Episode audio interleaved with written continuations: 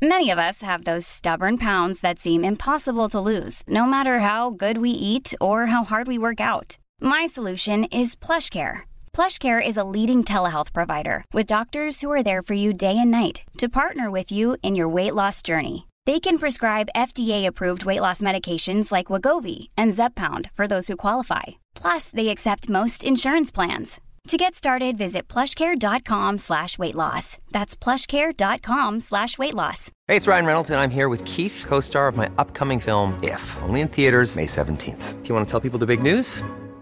All right, I'll do it. Sign up now and you'll get unlimited for $15 a month in six months of Paramount Plus Essential Plan on us. Mintmobile.com slash switch. Upfront payment of $45 equivalent to $15 per month. Unlimited over 40 gigabytes per month. Face lower speeds. Videos at 480p. Active Mint customers by 531.24 get six months of Paramount Plus Essential Plan. Auto renews after six months. Offer ends May 31st, 2024. Separate Paramount Plus registration required. Terms and conditions apply if rated PG. Quality sleep is essential. That's why the Sleep Number Smart Bed is designed for your ever evolving sleep needs. Need a bed that's firmer or softer on either side? Helps you sleep at a comfortable temperature? Sleep Number Smart Beds let you individualize your comfort so you sleep better together. JD Power ranks Sleep Number number 1 in customer satisfaction with mattresses purchased in-store. And now, save 50% on the Sleep Number limited edition Smart Bed for a limited time. For JD Power 2023 award information, visit jdpower.com/awards. Only at a Sleep Number store or sleepnumber.com.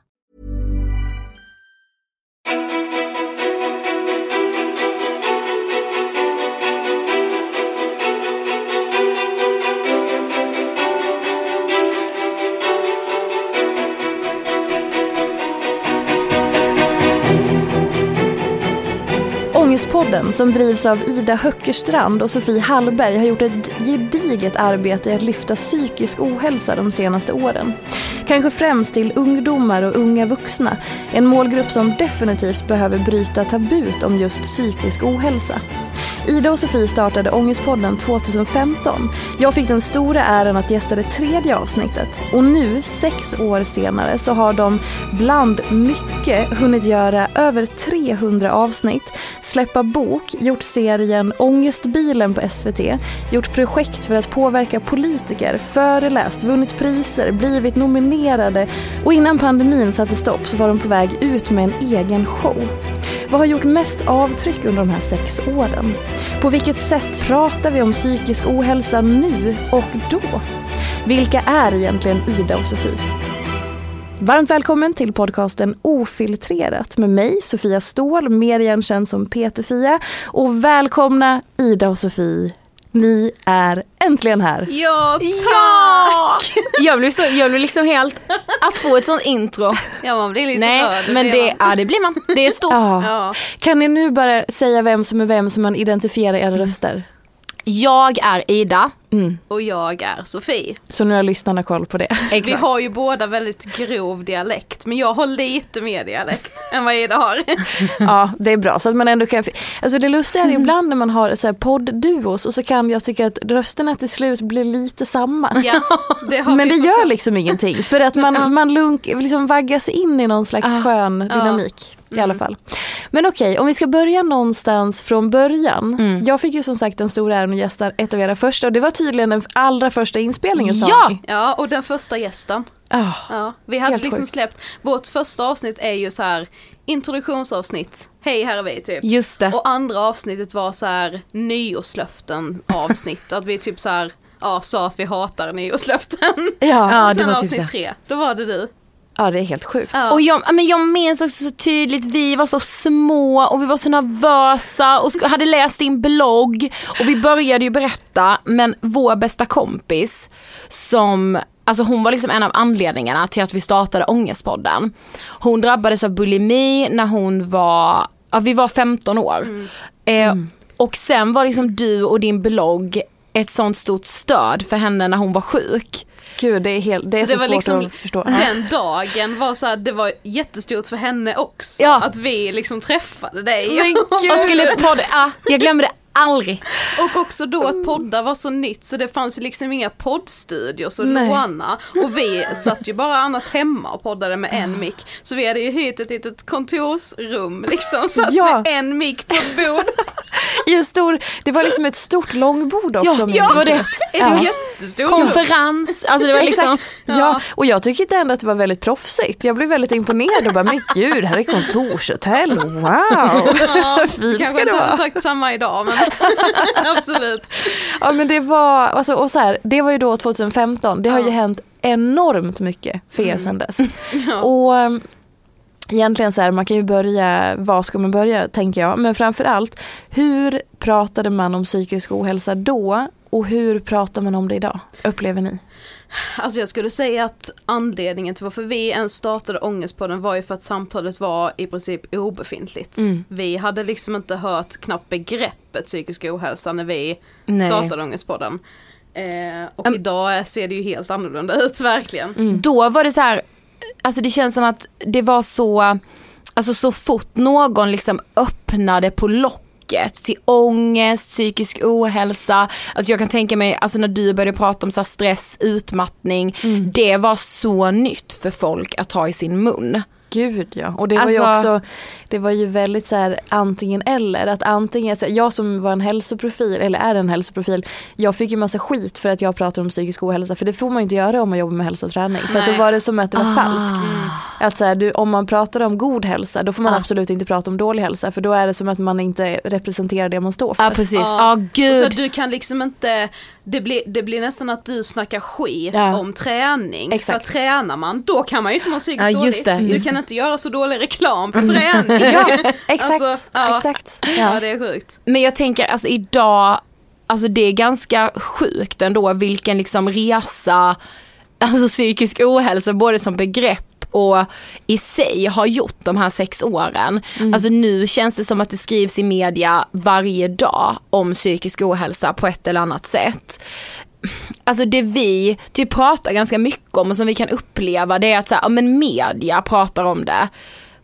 Men det är liksom, pratar man om det liksom kring köksborden, pratar man i familjer om vad ångest är eller vad det är att liksom vara stressad och det upplever vi att man inte gör ännu. Det känns som att så här, media har hängt med och där har överanvänts nästan ordet psykisk ohälsa. Att så här, det är nästan ett urvattnat begrepp. Men har det verkligen de facto hänt någonting? Just det. Eh, Det känns lite som att media har liksom dratt det så långt så att man liksom har börjat ha en diskussion kring, ja men har vi pratat för mycket om psykisk ohälsa, bidrar liksom det här ökade samtalet till att det liksom blir trendigt att må dåligt. Men Just det. på något sätt är det ju inte ungdomarna som har fått begreppet urvattnat utan det är ju faktiskt media.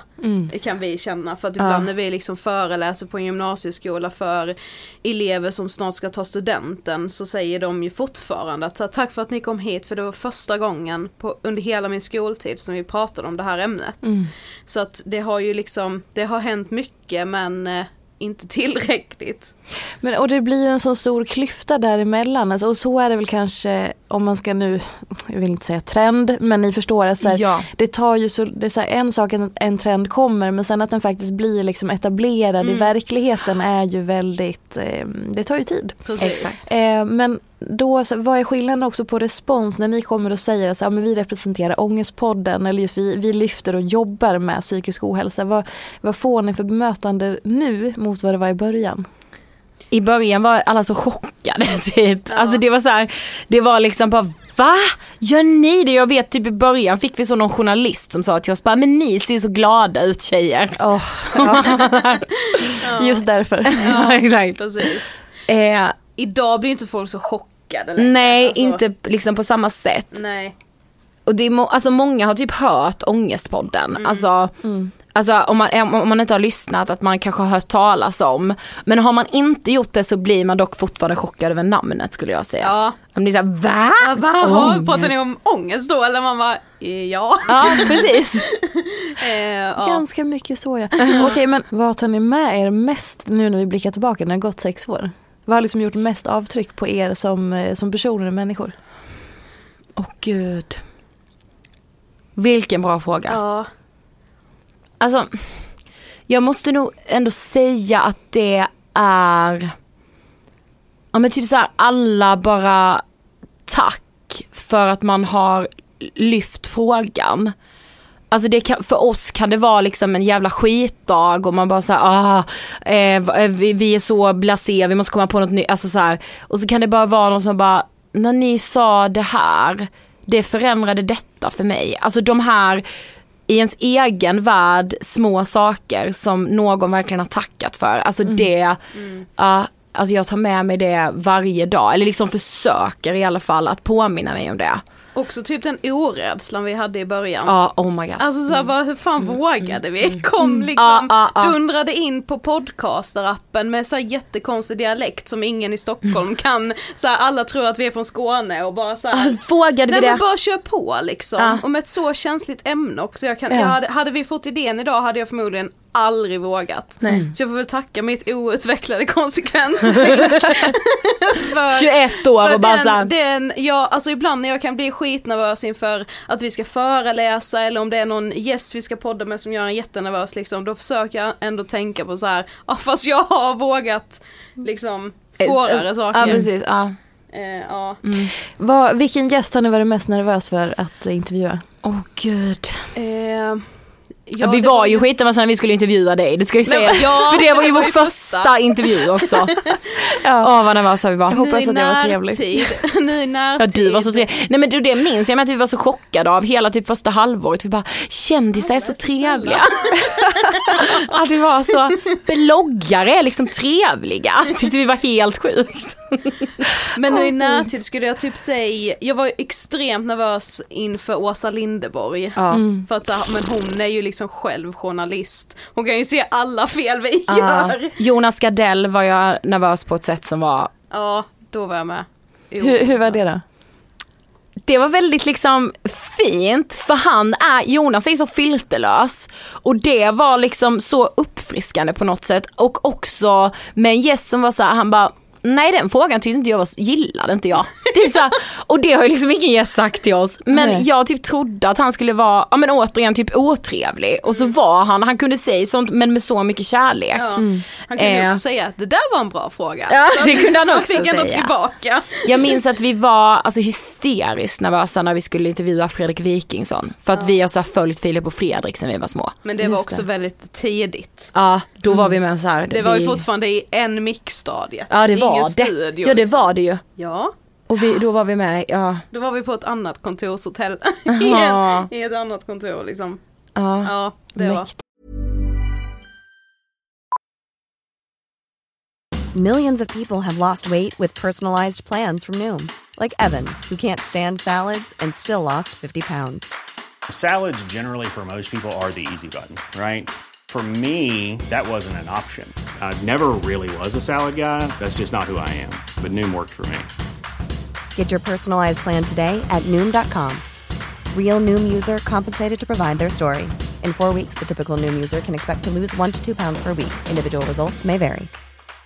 This is Paige, the co-host of Giggly Squad, and I want to tell you about a company that I've been loving, Olive and June. Olive and June gives you everything that you need for a salon quality manicure in one box. And if you break it down, it really comes out to $2 a manicure, which is absolutely insane. It's also so easy to get salon worthy nails at home with Olive and June. The difference between how your nails used to look when you did them yourself and now with the Manny system is a complete game changer. The best thing about Olive and June too is it's a quick dry, dries in about one minute, lasts for five days, and full coverage in up to one to two coats. Visit oliveandjune.com slash perfect Manny 20 for 20% off your first system. That's oliveandjune.com slash perfect Manny 20 for 20% off your first system system. How would you like to look five years younger? In a clinical study, people that had volume added with Juvederm Voluma XC in the cheeks perceived themselves as looking five years younger at six months after treatment. Look younger, feel like you. Add volume for lift and contour in the cheeks with Juvederm Voluma XC. Reverse signs of aging by adding volume to smooth laugh lines with Juvederm Volure XC. For important safety information and to find a licensed specialist, visit juvederm.com. That's J U V E D E R M.com. Not for people with severe allergic reactions, allergies to lidocaine, or the proteins used in Juvederm. Common side effects include injection site redness, swelling, pain, tenderness, firmness, lumps, bumps, bruising, discoloration, or itching. There's a risk of unintentional injection into a blood vessel, which can cause vision abnormalities, blindness, stroke, temporary scabs, or scarring. Talk to a licensed specialist to find out if it's right for you. Here's a cool fact a crocodile can't stick out its tongue. Another cool fact you can get short term health insurance for a month or just under a year in some states. United Healthcare short term insurance plans are designed for people who are between jobs, coming off their parents' plan, or turning a side hustle into a full time gig. Underwritten by Golden Rule Insurance Company, they offer flexible, budget friendly coverage with access to a nationwide network of doctors and hospitals. Get more cool facts about United Healthcare short term plans at uh1.com. Ja. Och så här, om man eh, kliver liksom åt sidan med själva det som är projektet eller ert jobb som det ju nu är, det som Mm. började som ett projekt och är Mm. liksom en otrolig idé till att också så här, ni driver business och är bästa vänner. Mm. Det tror jag är någonting som väldigt många kanske funderar på eller Ja. också har så här, hur fasen är det? Får man ihop det och hur får man ihop det? Alltså, jag vet att så många funderar på det här och vi får frågor om det här ibland. Och ibland kan man, vi låta så, alltså jag vet inte men liksom, för oss har det aldrig varit en konstig grej. För ibland får man höra så här, vi, vi vet att vi har hört det många gånger när man hör så entreprenörer föreläsa eller, eller sådär, starta inget med din kompis, det kommer bara bli, vi bara såhär, va? Starta med din kompis? Alltså, eh, i början tror jag vi hade lite svårt att sätta liksom gränser utifrån att så här, vad är jobb, vad är privat? Och det kanske vi fortfarande kan ha ibland. Men jag vet också att vi ganska tidigt var så, vi måste sätta gränser. Och det kändes typ töntigt när vi gjorde det då, men det har typ varit ganska avgörande. Men sen också att vi liksom, alltså jag tror ju kanske inte att man ska starta business med en kompis om man är på helt olika stadier i livet eller har helt olika ekonomiska förutsättningar. Alltså vi har alltid varit väldigt lika i var vi befinner oss. Liksom hur vi, eh, kanske inte hur vi mår eftersom du är den av oss som har mått väldigt dåligt men så här att, att ändå liksom Ja men vi har varit lika i mycket annat runt omkring förutom våra måenden typ. Och det tror jag också är ganska avgörande. Det har liksom inte varit så att den ena vill satsa och så kan inte den andra utan vi har varit så väldigt lika. Nu satsar vi, nu gör vi Precis. det här, nu får vi leva på ditt sparpengar. Ja men det, vi gör det här tillsammans Ja, liksom. det går vi i såklart- trasiga kläder. Ja så var det typ första året. Ja. Nej men det har ju underlättat hur mycket som helst såklart. Eh, och det, alltså för oss har det ju blivit liksom, alltså det har bara blivit, men jag inser ju också som nu när vi pratar om det att det är jäkligt lyxigt att det har blivit så.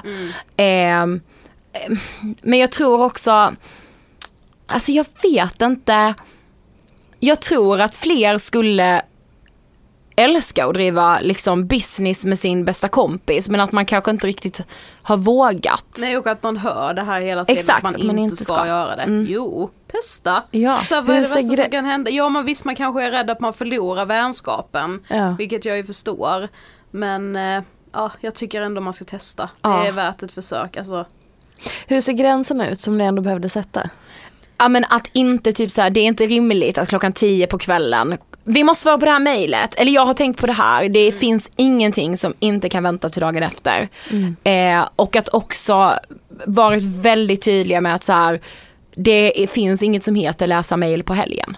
Alltså vi är egna men vi måste sätta gränser som att vi vore typ anställda för att Ja men dels att man är så här, ja vi är unga tjejer, vi är rakt in i målgrupp att så här bli utbrända, jobba för mycket.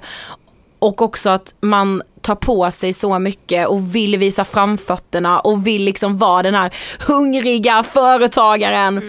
Eh, så de gränserna har vi, liksom- satte vi så tidigt och har hållit hela tiden.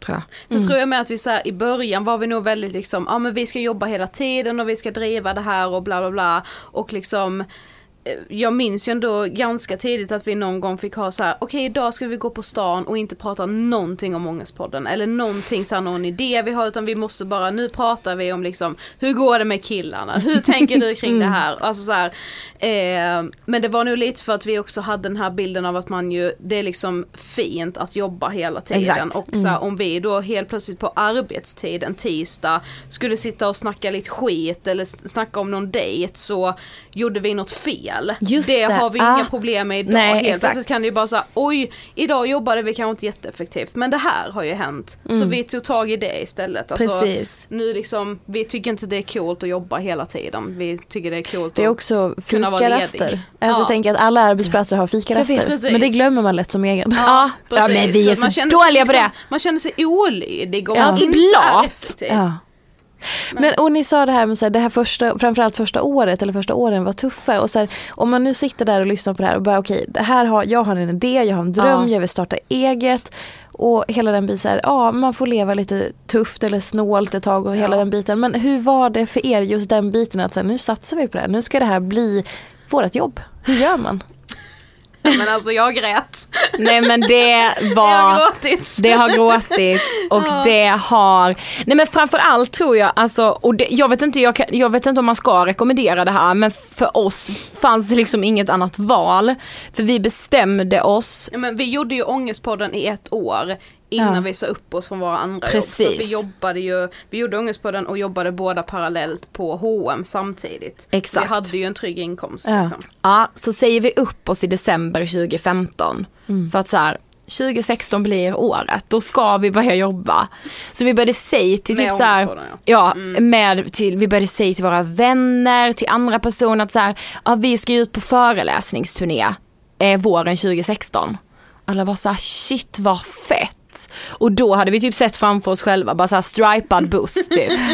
eh, och sen så blir det jul, vi åker hem till Karlshamn till våra familjer, åker upp till Stockholm igen till vår gemensamma lilla etta som vi delade och bara, vi har ingen föreläsning inbokad. Eh, så, och då är det så här, det var liksom så här kniven mot strupen. Så vi bara, vi får ringa hundra gymnasieskolor. Men vi kan liksom inte ringa i egenskap av Ida och Sofie från Ångestpodden. Nej. Vi får låtsas att vi är ett säljbolag som säljer Ångestpoddens föreläsning. Bra. Så vi gör detta. Och det ger ju ringa på vattnet. Alltså typ en av tio sa ju så här, ja varför inte? Ja, och de hade budget. Ja.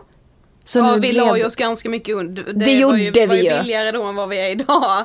Ja, Jag tror vi började med att ta 5000 för en föreläsning. Ja. Ja. Jo men man måste börja någonstans. Precis. Ja! Gud ja. Ja. Och, Men det är också att, ja, det, de dagarna när vi satt och ringde är ju Ja. bland det värsta jag har gjort. Men vi har ju heller aldrig efter det behövt sitta ner och ringa runt igen eller skicka typ inbjudningar Nej. utan det har ju bara sen rullat på liksom. Så det Hur var lät ju ett sånt sälj, sälj eh, ett samtal? nej, Ja, typ alltså. såhär, hej jag heter Maria och jag ringer, Ja. alltså jag vet inte vad vi sa, jo vi Hej. sa nog, för vårt företag då hette bara Inget Filter. Ja. Ja. Eh, Jag ringer från inget filter sa vi typ. Ja. Och- Och du har talas om Ida och Sofie som driver Ångestpodden och så här. ja men de ska ut nu på Nu är de aktuella med en föreläsning som heter Förr eller senare känner du igen dig. Alltså hade vi nog lite med så statistik bara, ja för du vet väl att en av fyra ungdomar på din skola typ så här. Ja. Så var ringde vi. ju till rektorerna. Liksom. I love it. Men det var faktiskt en rektor, jag kommer aldrig glömma det. Då säger han så här, han bara jättebra idé. Men vi kan inte väcka den björn som sover. Och även denna. Ja det låter jättebra så, men om det nu är så viktigt som ni säger, varför kommer ni inte hit gratis? Nej men snälla Skicka nån. hit tjejerna gratis så kan man bara, Ja, det. Ja, tänk om man kunde betala sin hyra med luft. Ja, precis, det hade varit- gärna gjort. Men, Okej, ja, och när liksom, när har ni tvivlat på det här? där och Oj. då tvivlade jag nog rätt ja. Eh, och också i perioder. Ibland blir jag så, är man någonsin säker eh, på att det man gör är liksom bra eller tryggt eller eh, alltså från och till tvivlar vi båda två. Eh, speciellt om man har en ny idé, alltså vi, det, alltså vi har pitchat så många tv-idéer som vi har fått nej, nej, nej på. Eh, nu när du läste upp och bara de har gjort en tv, jag bara just det vi har gjort det. Ja, vi har fått jag glöm, ja. eh, Nej men alltså då tvivlar man ju alltid för att man bara såhär, jaha nu, nu är vi inte tillräckligt bra. Alltså, Mm. och att man ganska snabbt blir liksom trygg där man är. Eller inte trygg men man blir så här, man uppskattar inte bara men vi släpper ju avsnitt varje vecka eller vi har ju den här sponsorn eller vi och så bara ser man förbi det för att man vill framåt hela tiden. Jag tror Eh, lite tvivel med är väl nog kanske bra för det får en ändå så här vara på tårna lite hela tiden. Alltså jag skulle nog inte vilja slappna av helt Nej, och hållet för då nej, skulle nej. jag heller inte uppskatta ett skit. Eh, så att ja, lite självtvivel men ja, det finns ju perioder när man har tvivlat och legat vaken på nätterna men det var Ja. faktiskt länge sedan. ja det var det faktiskt. Ja. Men det där är också viktigt att prata om. Jag tänker just när man jobbar med sociala medier och liksom lite så som vi gör. Att man, eller liksom, oavsett egentligen vilken inriktning, men just att man ser alltid det som blir av. Men man Exakt. ser ju aldrig det som inte blir av. Nej. Kan ni berätta om några projekt eller idéer eller pitchar som ni har gjort som faktiskt inte har blivit väl mottagna eller blivit nekade eller Ah. liksom inte funkat helt enkelt? Eh, ja, vi, vi, hela hösten så jobbade vi nu med, gud det är första gången vi säger detta. Nej, men Wow. hela, hela hösten så jobbade vi med ett produktionsbolag. Eh, där vi gjorde liksom en tv-idé, vi gjorde en pilot, vi åkte ner till Hässleholm och filmade den på ett HVB-hem. Eh, och vi, tyck, alltså vi var så nöjda med piloten, vi var så nöjda med idén. Och sen så var chefen på produktionsbolaget så här: nej, vi ska inte pitcha det här. Nej men gud så det, det var liksom, jaha, vi, det, vi, var, det gick så långt liksom. Jaha, och sen, och sen har vi vägen. fått inse att så här, när vi pratar med andra, bara, det är jättevanligt. Vi bara, jaha. För vi var ju såhär, vi, ska ju få göra en pilot så Har det är ju man typ väl klart. fått göra Ja. en pilot är det ju klart, så det är vi ju. Ah, nej, Ja. nej, nej, nej, nej. Nej, Nej. så är det ju inte. Och då var det såhär, ja då får ni börja om och jobba vidare och man bara, ah, då ska vi bara samla energi. Och typ såhär bokidéer som, vi har hållit på med en bokidé med som vi inte vill avslöja för att det, vi tror ju fortfarande på idén men första gången vi skickade den var den kanske inte färdigmarinerad hos oss riktigt för vi är ju fortfarande Nej. väldigt så att det ska ske direkt. Ja väldigt. Och då fick man med tillbaka så här, ja ser inte riktigt. Ser Kunde- inte riktigt hur det här ska bli en bok. Kunde ni se det då, vad personen menade? Så kunde Ja, ni förstå det, ja, det Ja. kunde vi. Det kunde vi. Eh, och då kan vi bli, antingen blir vi väldigt liksom så här: nej då vill vi släppa projektet eller så blir vi så taggade av det. Ja. Då blev vi väldigt taggade. Ja. Då, då blev vi så här: nej nu jäklar. Vi kan bättre än så här. Ja och nu är jag ju glad för den feedbacken för Jag idén vi har nu är ju mycket bättre än utgång, utgångs eller så här, ursprungsidén. Vi gjorde en, men nu kommer jag på så mycket vi har, vi har gjort som aldrig har blivit någonting. Vi jobbade stenhårt, vi la typ tre månader förra våren. Det var ändå corona och det var så här på en, en radiodokumentär, eller alltså Ja. den skulle släppas i vår podd, men en liksom dokumentär om spelbranschen och kasino. Nej nej det gick inte sen, det blev pannkaka av alltihop. Ja, det Va- blev- varför då? Ja men Ja. det, ja, det, det, är var lite andra inblandade och sådär också. Historien, eh, vissa historier insåg vi var liksom inte allt stämde liksom inte som vi hade fått till Och det var oss. lite så vi hade kunnat åka dit om vi hade släppt. Ja. För att det var, ja. det blev Förtal inte, och sånt, Ja. ja, det blev inte alls bra. Nej. Och hur, var i den processen då, då har ni lagt tre månaders arbete på det här och sen så inser ni att det här, det här är- lirar inte. Mm. Hur var den känslan? Ja det var vidrigt. Ja. Alltså- så här men jag tror, och det här är så typiskt oss med, så här, vi kände nog att det inte lirade kanske två, tre veckor innan vi ens sa det till varandra. Så vi bara fortsatte jobba på det. Men okej! Men, vi, och vi började typ liksom såhär, inte se att vi ska misslyckas eller såhär bara det här kommer vi inte kunna göra. Så vi, vi pratar inte om det utan vi bara Ja, så var vi först. och sen bara sen fick vi ju ta bladet från munnen. Ja. Nej men Men vänta nu, vänta nu. Okej, så okej, om vi börjar så här en i taget. Vad var det som började pocka på hos vardera en av er innan ni började uttala det till varandra? jag började känna så här: den här historien är inte, den här håller För det var en inte. person ni hade pratat med eller? Ja, exakt. flera flera, personer. personer var det. Ja. Eh, och eh, vi började, jag, jag var så här, historierna går inte ihop. Ja. Eh, det vi, alltså vårt liksom case, det vi tänker att vi ska avslöja, Mm. det är inget avslöjande, det stämmer inte allt här. Oj jädrar. Mm. Eh, Och jag började nog mer känna oro över det här. Ja, fan kan vi åka dit på något sätt av detta? Alltså, säg nu att storyn håller men vi har inte bevis nog. Då kan vi ju ändå åka dit för förtal liksom. Mm. Det spelar ingen roll hur mycket vi litar på en persons berättelse för man måste ha bevis. Mm. Eh, så att ja, där var jag. Ja, och, men jag minns också sen när vi, alltså vi tittade typ bara på varandra och bara så här, det här håller inte. Mm. Det var efter liksom vi hade pratat med någon och vi bara så här, det här håller, alltså det här Nej. går inte. Vi kommer kommer inte kunna göra det. Exakt. Eh, och då ser jag, såg jag ju framför mig all den här tiden. Mm. Jag bara, alltså vi har lagt så mycket tid och det här kommer inte bli någonting. Mm. Och också att vi redan då, detta, detta är så hemskt, redan då har vi också bandat en intervju med liksom så här socialministern Ja om då. det här. Som ni inte kan använda Nej. alls. Nej. Mm. Och Ja. vad pågick inne i er när ni insåg det här och det verkligen landade och ni pratade om det och sen kommer hem och bara, aha, allt här Ja. förgäves. Ja men ja exakt, alltså det var en sån, alltså då minns jag bara att jag kände mig så tom.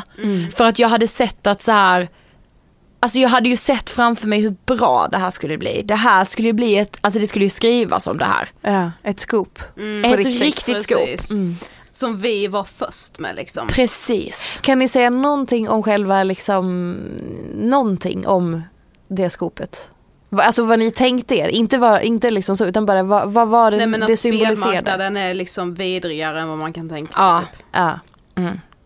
Att det är Och att liksom så här- så omoraliskt du bara kan tänka dig. Och det är det fortfarande. Ja, men, det är det. Man, och men vi, alltså vi insåg också att så här, dokumentärt måste det hålla tätt hela vägen. Eh, och det gjorde inte det. Ja men så här, vi hade kunnat släppa det vi har och många hade tyckt att det var skitbra för att materialet var jättebra och liksom intervjuerna vi har gjort och så och liksom hade skrivit manus men i, liksom där ville vi göra det mer dokumentärt alltså så här, och då vill vi göra det ordentligt. Då, och då var jag hellre så här, då släpper vi det inte Nej men också alltså, hela den förtalsgrejen som, Ja. du, som du sa. Ja, Ja. då är det inte värt det. Liksom. Alltså gud, att det är snart ett år sedan. Ja, satt, Jag blir liksom, jag blir så här, fan. ja. Ja. Vad lärde ni er av det här då? Alltså, åt, alltså, och detta återkommer man ju till, alltså det kan jag tänka mig för dig också när man jobbar liksom som vi gör i sociala medier. Alltså källkritik är så så så viktigt. Att alltid jag menar så här, ja för vi har väl någon, något slags liksom kall i att så här, men vi vill berätta historier, vi vill dela människors historier som kanske inte annars alltid blir hörda. Men när det är andra inblandade så är det jäkligt viktigt att man har på fötterna. Och det vet jag att vi har haft med oss sedan dess. Eh, Så det lärde vi oss så rent konkret men sen, alltså jag vet att det, man blir ju så, ja ah, det här borde vi fatta tidigare, det här borde vi, men nu ett år senare kan jag tänka så här, men vi utvecklades ju skitmycket de tre månaderna när vi Precis. satt och försökte göra något dokumentärt som vi inte har gjort tidigare. Och så här, man får ju tänka att Uppdrag granskning drar ju också igång drej- grejer där de tror att, så här, att vi har, sitter på världens skop och sen så blir det ingenting av det för att Nej, det visar sig att nej för den första källan här ljög eller liksom Ja, men exakt. så illa som vi trodde det var var det inte. Ja Alltså, exakt. Men de programmen ser man inte för de sänds inte. Alltså, Nej. Nej, men, och jag tror att vi är inne på något, alltså just också apropå om vi knyter an hela vårt samtal hittills egentligen till psykisk ohälsa och så, så är ju, eller egentligen det behöver inte ens vara psykisk ohälsa, men att, så här, att må dåligt eller känna sig otillräcklig och alla de bitarna, så är det ju också ofta att så här, man tror att alla andra har det helt perfekt, att de är perfekta, att Exakt. allting är lyckat, att man bara har succé hela tiden, att folk liksom ser perfekta ut, är perfekta, det är perfekt på alltså allting bara är så himla härligt och massivt och underbart. Exakt. Ja man drar ju det så långt så att man tänker att alla andra influencers typ, eller alla andra som jobbar med media på något sätt, de blir nerringda. Ja. Medan jag får springa efter att få samtalen. Man Precis, bara, men alla exakt. springer Ja, tiden. Det är exakt. ingen som typ sitter, ja det är få förunnat, Ja. som kan sitta hemma på kammaren och vänta på att telefonen ska ringa. Men det är Ja. det man tror. Precis och att just också så här, oavsett vad man jobbar med eller vad man eh, studerar eller vart man är i livet att man alltid har den blicken på alla andra och sen också när man ser då Gud, ja. profiler i sociala medier till exempel som gör så här lyckade projekt. Mm. Så viktigt att prata om de delarna som faktiskt också inte blir. Ja, För det är ju också en del av resan men Ja. som man inte pratar om. Nej, alltså och det är ofta så att man typ pratar om det som hände så här innan jag startade företag eller innan jag, Ja. man bara men hela resan sen är ju inte spikrak, alltså det är ju så mycket skit på vägen liksom.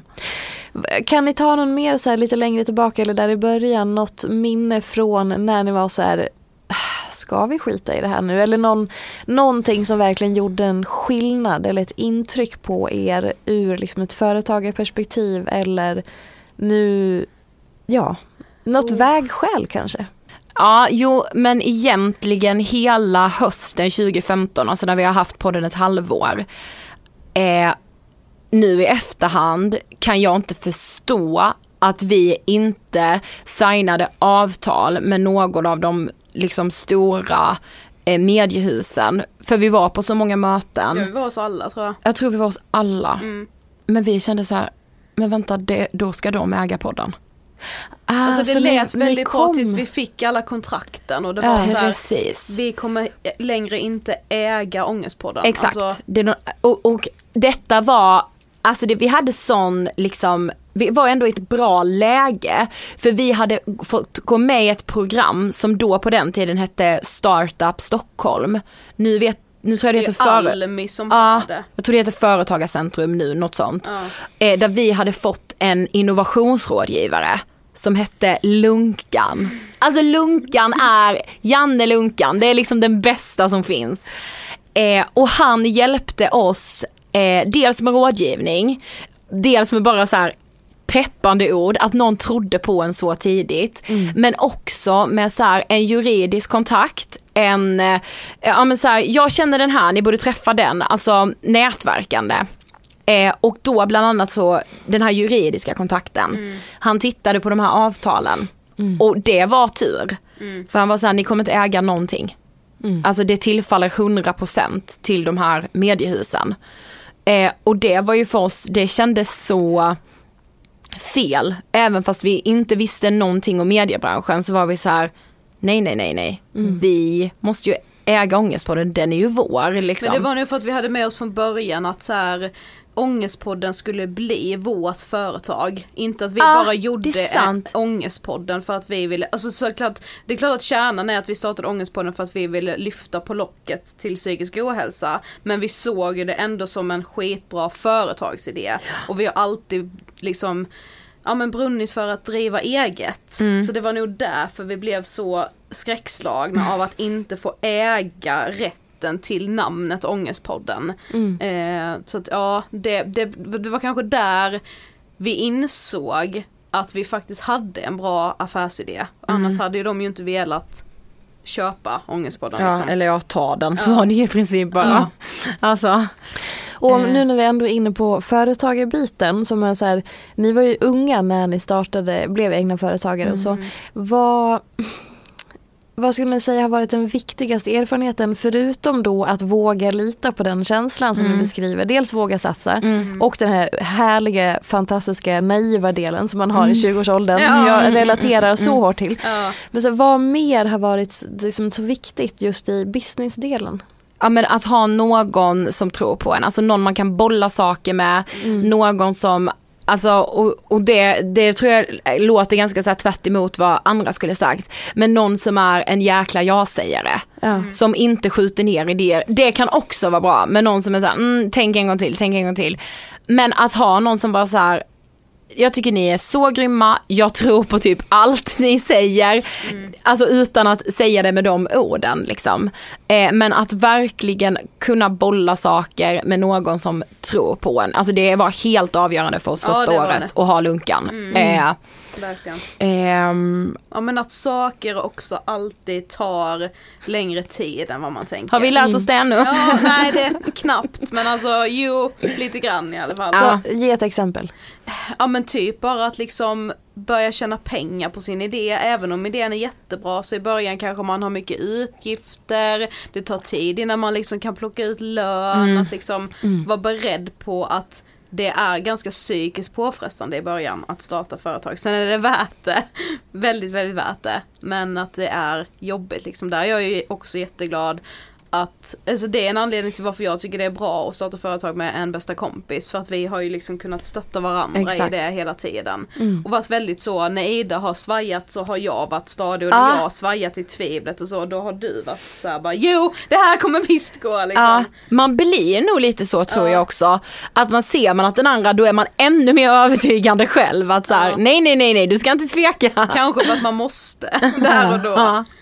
Och hur har liksom eran egen eh, relation till psykisk ohälsa utvecklats eller förändrats eller påverkats under de här åren?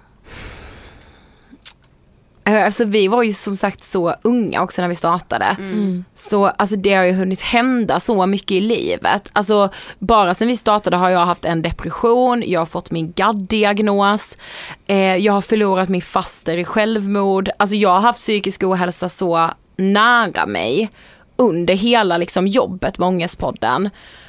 Och på ett sätt så tror jag ju att, alltså podden hade ju inte varit så, vad ska man säga, alltså ärlig utan det kanske. Alltså, ja jag vet inte men alltså eftersom man bara var 21 år och tänkte att så här, panikångest är det jag ska ha och sen kommer jag aldrig mer drabbas av någonting. Det var ju liksom lite min så här, naiva tanke när vi startade podden. Men så bara så här, nej just det, livet pågår ju samtidigt så saker kommer hända Vi liksom. brukar ju säga id- idag att liksom ångestpodden är en podd om livet. Mm. Alltså den där berg och dalbanan som det innebär att leva och vara människa liksom. Eh, och sen har man ju också fått en helt annan förståelse för ens egna mående och för andras mående. Både de man liksom känner och de man inte känner. Eh, Ja men vi har ju liksom- märkt både alltså så privat att det alltid, att på ett annat sätt, vilket är så fint, men man har så många som väljer att öppna upp sig för just oss. Ja. Alltså i kompisgängen och så att bara, "Ah, jag vill prata om det här för att de tänker att, men de har hört så mycket så det är liksom. Ja precis. Det jag ska komma med nu är ingenting. Men också för det, om vi knyter tillbaka till där vi började så var just det här att okej men media skriver mycket om psykisk ohälsa och det här, oh men är det så att vi pratar för mycket om det och så vidare och så vidare.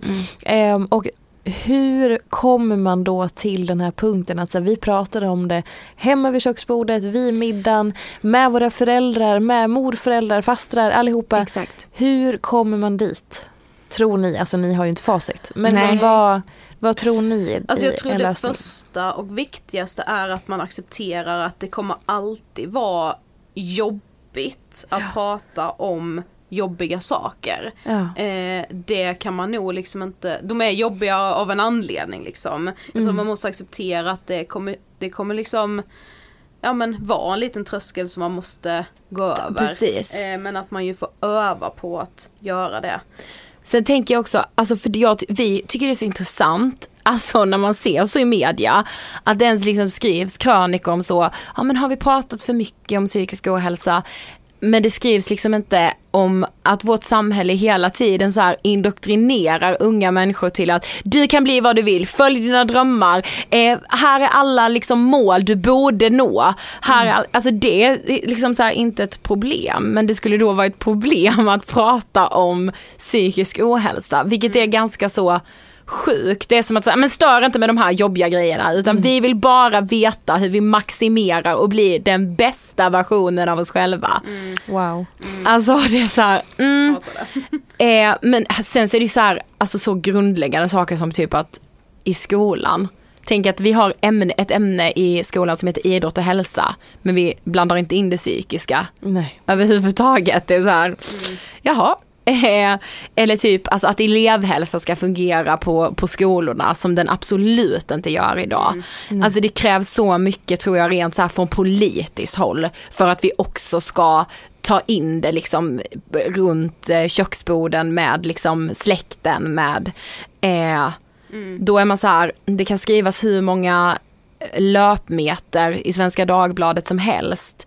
Men om det inte funkar i praktiken runt om i Sverige så då är man så här, vad gör det för nytta? Någon nytta gör det ju såklart men Ja men också lite så här försök att Ja, det kanske finns en liten, liten risk att någon själ någonstans känner efter lite för mycket och påstår sig lida av psykisk ohälsa när det kanske egentligen bara är så här normalt lidande. Mm. Men ska vi ställa det problemet jämte att vi typ ska sluta prata om psykisk ohälsa helt och hållet. Vad händer då med alla de som Mm. mår dåligt? Ska de fortsätta skämmas i det tysta? Ska man sluta söka hjälp för att man skäms så mycket? Alltså vilket problem är störst egentligen? Mm. Är det verkligen så problematiskt att några få människor känner efter lite för mycket? Ska Ja, vi liksom lägga inte- tid på att göra ett problem av det? Ja. Ja.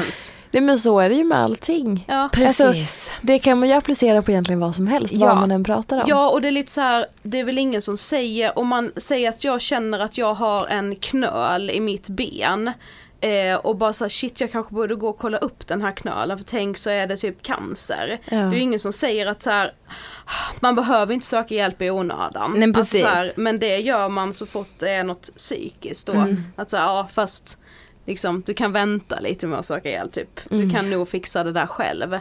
Man kan aldrig liksom söka hjälp i onödan för en konstig leverfläck man tycker att man har eller ja men ifall man känner en knöl någonstans, vad det nu än är liksom. Mm. Alla fysiska sjukdomar, bara det är bättre att kolla en gång för mycket än en gång för lite. Mm. Men Och det- inte till vid det nej. psykiska då. Detsamma borde ju gälla det psykiska. Ja, liksom. Exakt. Om man tittar på 2020, året som var Mm.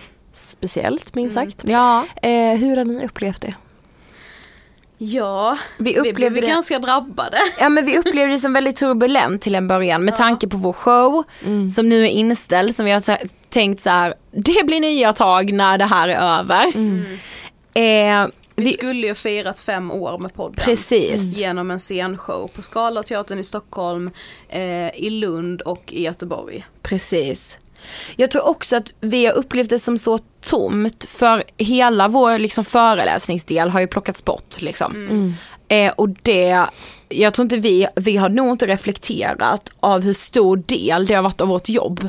Så för oss har det varit så här, ja, vardagen ska bara rulla på, vi ska inte åka till Ja men och vi Liksom blev ju väldigt hårt drabbade direkt. Alltså en vecka innan vi skulle ha premiär på Skala, då började man liksom verkligen prata mycket om coronan Mm. liksom. Restriktionerna kom typ fem dagar innan. Ja restriktionerna kom på måndagen och vi, skulle, vi, vi, vi fick ställa in samma vecka som vi skulle kört.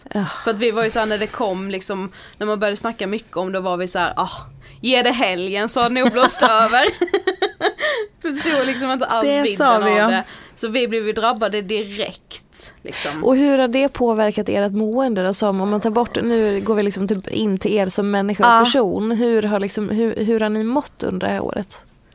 Jag, alltså jag har faktiskt inte mått så dåligt själv av att så att jag har varit rädd eller så tyckt att jag har väl haft en oro för världen. Men framför allt har jag varit så orolig för liksom anhöriga, att mina föräldrar ska bli drabbade, att, eh, alltså att det inte ska finnas i så fall vårdplatser till dem, att alltså jag har haft en sån enorm oro.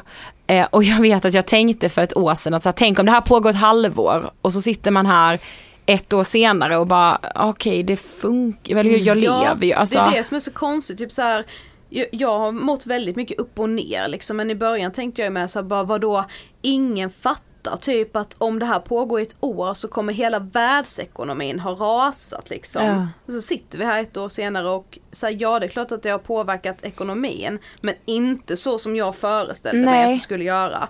Ehm, bara, alltså bara rent företagsmässigt men också liksom när man ser till det stora hela. Så att på något konstigt sätt så har man ju ändå anpassat sig. Sen klart man är sjukt uttråkad och liksom ja, känner av en enorm tristess nu i att inte kunna resa eller liksom ja, typ föreläsa som vi ju älskar att göra. Ja, alltså alla sådana saker som har påverkat en personligt. Men tänker jag bara, alltså om jag bara i en sekund tänker på en, en sjuksköterska som jobbar på Ja. IVA.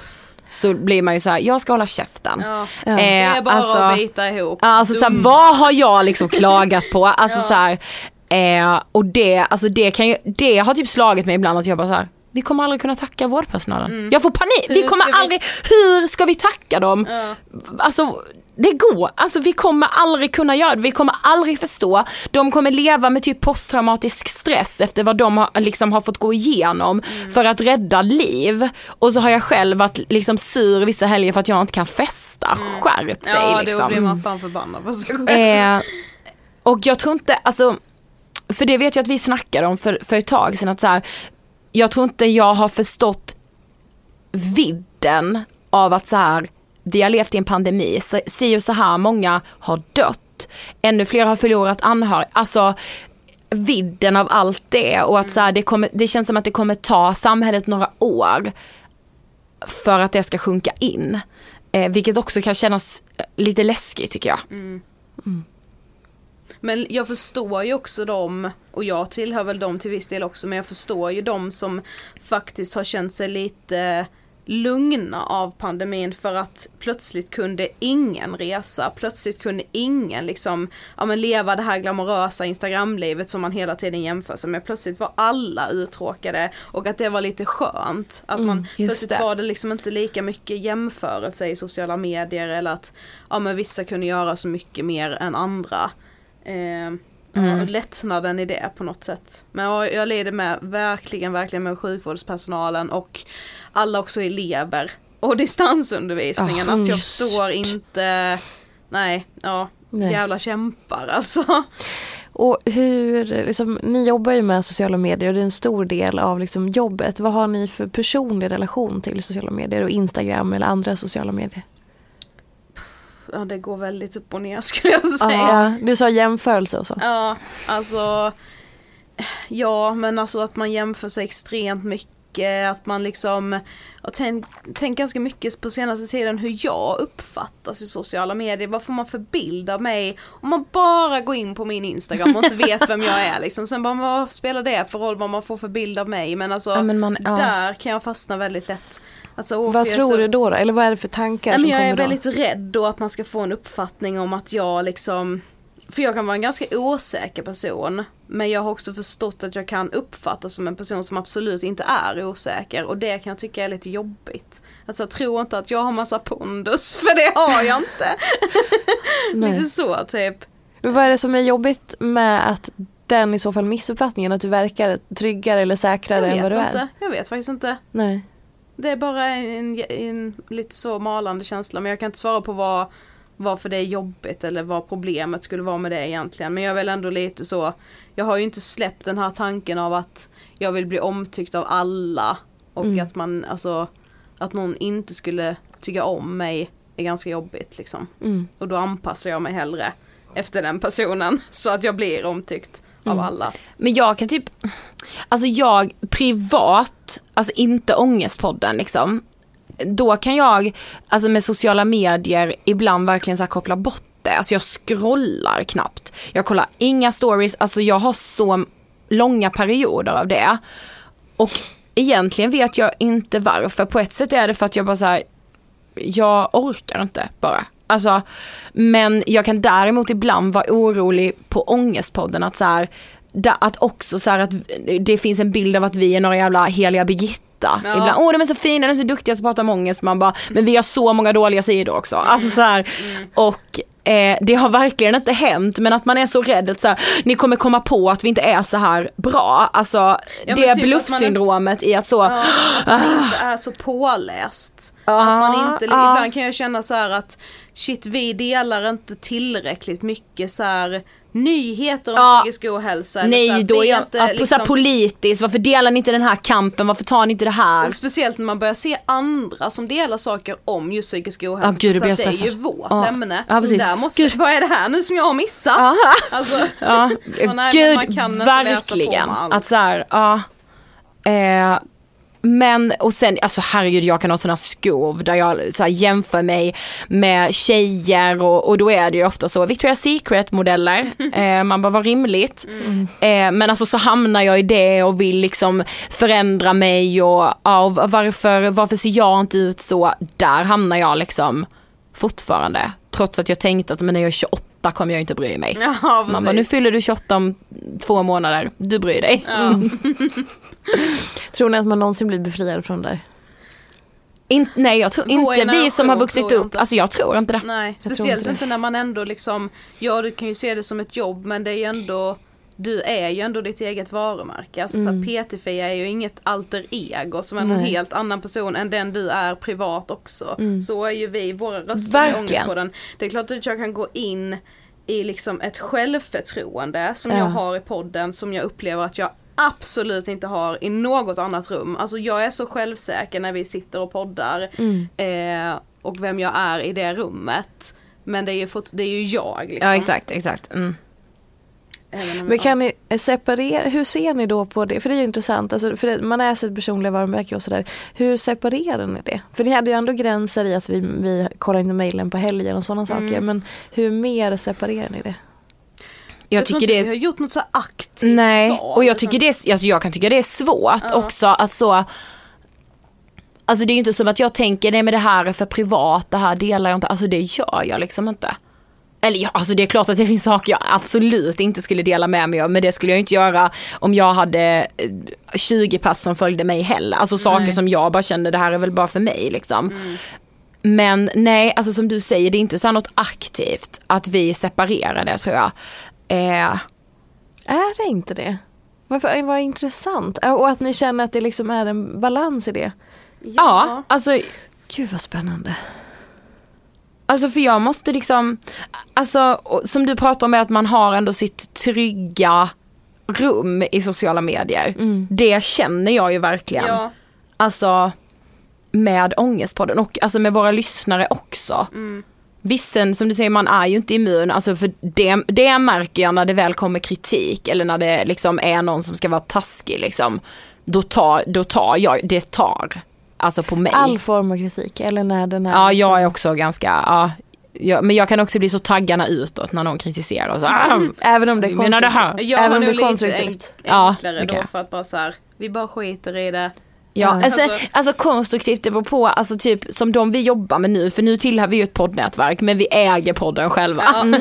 men, men Pank då som de heter, alltså de är väldigt bra på att här konstruktivt, ja men tänk på det här, har ni tänkt så här? Och det kan jag säga, men det är som att så här, men vi har ju en ar- den här arbetsrelationen. Och då kan jag det, men när någon så dyker in, då kan jag ibland bli så här, ah. dyker in i kommentarsfält. Ja. Det händer dock väldigt sällan faktiskt. Vi har varit väldigt skonade från så här, Skåne, men det, det är du med. Mm, Absolut. ja, det är inte många så här hatstormar vi har fått liksom. Nej, nej, nej. nej. Gud, ta i trä. Ja, ja. Ja, Gud vad spännande. Det, jag bara blev, det blev så fascinerande för att det, alltså den här delen kan man prata mycket om. Just det här när man jobbar med, när privatlivet, det, det personliga och jobbet och allt det vävs ihop. ja. Ehm, det är ju så viktigt att man kan balansera det för att man inte ska känna att man, alltså, det är såklart superviktigt att det är genuint och man känner att man är sig själv och så. Och att det finns en integritet eh, och alla de bitarna.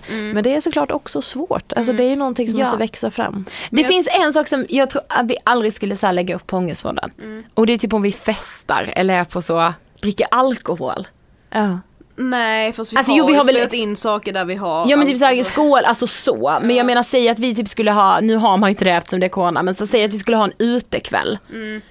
Det tycker jag känns så här. Det, det är väl inte jag ska vara här. Nej, nej, nej för det känns lite för Det känns inte så proffsigt. Nej det känns så. För ångest på Ja, ens precis. konto liksom. Där är så, nej det vill jag inte ska vara här. Nej. Men jag tror också faktiskt att det är en räddning där återigen att vi är två personer. Hade jag gjort ångest på den själv och bara hela tiden så här känt att jag måste dela med mig mer och mer av mig själv och att allt ska kännas genuint och jag tror jag hade mer bara gått upp i det och levt i det hela tiden. Nu kan jag ändå lite så här, inte att jag så lägger över massa jobb på Ida men vi har ändå lite arbetsuppgifter som bara är våra egna liksom. Alltså jag klipper podden, det är min arbetsuppgift. Alltså då, det blir Jag bara, liksom vad har jag för Nej, men Det blir arbetsuppgift? lite påminnelsen om att det är, ja men typ som idag då när jag satt och klippte podden, då satt du och gjo- gjorde upp liksom struktur för sociala medier, då tog du på dig det Jo, den jo, ja. jag satt, alltså här, då sitter man ändå lite med sitt eget och blir påminn om att så här, shit det här är verkligen mitt jobb. Alltså vilken in, alltså Ja men och sen alltså vad gäller Instagram, jag tror att vi hade haft svårare om det var Instagram som var vår huvudgrej. Då tror jag det hade varit så mycket svårare. För det tänker jag ibland liksom, Alltså podd, vi, på, något sätt är det som att vi alltid tänker att så här, men vår huvudgrej är podden. Så den behöver mest kärlek. Alltså vi, jag, jag ibland, alltså vi är ju så, oj nu glömde vi filma det här och nu glömde vi det. Alltså, eh, och att det inte gör så mycket. Mm, vi är inte så jättenoga. Nej vi är Men inte så ju noga med så här, flödet ska vara fint, vi bryr oss inte så mycket om Men, det. och det var ju också lite så skönt när vi liksom, det kan vi ju, inte att vi använder det som en ursäkt men vi vill ju inte ha det här perfekta flödet heller. För Mm. Nej. det, det stör ju lite ångestpoddens hela idé om Precis. att ingenting behöver vara perfekt. Ja. Vårt flöde kan vara lite så High Chaparral. För, Ja. Underbart. ja. Ja men det måste det nog tror vi också vara. behövs. Liksom. Mm. Ja. Verkligen. Mm. Okej, ni ska få den sista frågan som alla mina gäster får. Ja. Och nu är det ju två personer här så då Ja. får ni liksom eh, ja, ta en varsin version eller så. Ja. Fri tolkning. Vad är inte som det ser ut? Eh, eh, eh, eh, eh. Jag vet en sak som inte är så det ser ut, som jag har haft en så fel bild av. Ja. Och nu tolkar jag detta helt fritt. Ja. Träning. Ja. Nej, men, vi, har börjat, vi har börjat träna med en PT. Och vi tycker det är så kul. Men jag är också så här, jaha, alltså jag svettas som en jävla gris. Jag har aldrig sett någon svettas så här. Så Ja. inser jag, nej nej, för det fotas innan träningspasset. Aha, det fotas, men man tränar inte så här, det gör man inte. Alltså så här, träning är fan inte som det ser ut. Det ser så lätt härligt ut. Alltså det ser liksom ut som att man luktar gott. Ja. Det gör man inte. Nej. Bra, den var ny. bara, hela tiden. Nej men nej, liksom. nej gud, alltså ibland vi gråter och bara så ber om att få sluta. Alltså, Ja. Sen har vi inte bara sådana hemska pass. nej vi har ju väldigt kul också. Ja. Oj, vad är inte som det ser ut? Ehm, ja men det som jag har varit inne lite på, eh, alltså så här. Jag tror inte min självkänsla är riktigt som den ser ut. Jag tror att man får intrycket av att jag har väldigt bra självkänsla, att jag är väldigt trygg i mig själv. Mm. Och det är jag inte. Vad, hur förhåller du till det? Jag har nog inget bra förhållningssätt till det riktigt. Nej. Alltså jag letar nog fortfarande i det träsket på något sätt. Eh, att försöka också, men också så bara ri, rida lite på att säga, ja men om jag nu ge, ger det här intrycket kan jag inte bara försöka känna det lite själv också då? Och ta åt mig av så här, ja men komplimanger och ja, det folk säger att de får intrycket av mig, kan inte jag bara försöka se det lite själv istället för att så här skjuta ner det hela tiden. Så här, bara, oh, men jag får den här känslan, ja så är det inte, alltså varför gör jag så? Varför försvarar jag det? Istället det. för att bara säga, ja oh, shit, tack, vad glad jag blir. Skulle ni säga, eh, okej nu blir det en, en, till sista fråga. Ja. Nu skulle ni säga att ni har prestation, prestationsbaserade självkänslor? Ja, Ja, alltså. Jo, jo men, jo men så är det ju. Alltså jag, jag, säger, jag önskar verkligen att det inte var så men liksom så tänker jag att jo. Så är det. Och jag vill verkligen komma ifrån det. Eh, men jag tänker också att det är ingen stress. Jag får find out liksom. Exakt. Eh, ja. jag skulle ändå säga att det har blivit bättre. Ja, Om det nu är med åren eller vad det är. Men det har blivit bättre. 28-åringarna. Ja, precis. Underbart. Hörni, tack så jättemycket för att ni ville komma hit och Ja. lyssna. Och ni som har lyssnat på detta måste ju lyssna på Ångestpodden, följa Ångestpodden på Instagram, ja, ja. läsa boken som heter Vi borde vara lyckliga. Exakt, jag har den till och med hemma med Ja. signering och allt. Ja. Hörni, tack så jättemycket. Vi ses och hörs nästa vecka. Puss och kram, vi ses inte på stan. Hej då! Tack snälla, hejdå! Följ mig gärna i sociala medier. Jag finns på Instagram som peterfia och bloggar på peterfia.se. Jag blir så glad om du vill recensera den här podden, prenumerera och lämna gärna önskemål på gäster. Vi ses i sociala medier. Ha det gott så länge. Hej då!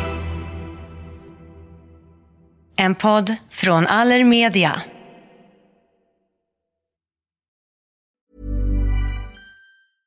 Ever catch yourself eating the same flavorless dinner three days in a row? Dreaming of something better? Well, HelloFresh is your guilt-free dream come true, baby. It's me, Kiki Palmer. Let's wake up those taste buds with hot, juicy pecan-crusted chicken or garlic butter shrimp scampi. Mm. Hello Fresh. Stop dreaming of all the delicious possibilities and dig in at HelloFresh.com. Let's get this dinner party started. Even when we're on a budget, we still deserve nice things. Quince is a place to scoop up stunning high-end goods for 50 to 80% less than similar brands. They have buttery soft cashmere sweaters starting at $50, luxurious Italian leather bags, and so much more. Plus, Quince only works with factories that use safe, ethical, and responsible manufacturing. Get the high-end goods you'll love without the high price tag with Quince. Go to quince.com/style for free shipping and 365-day returns.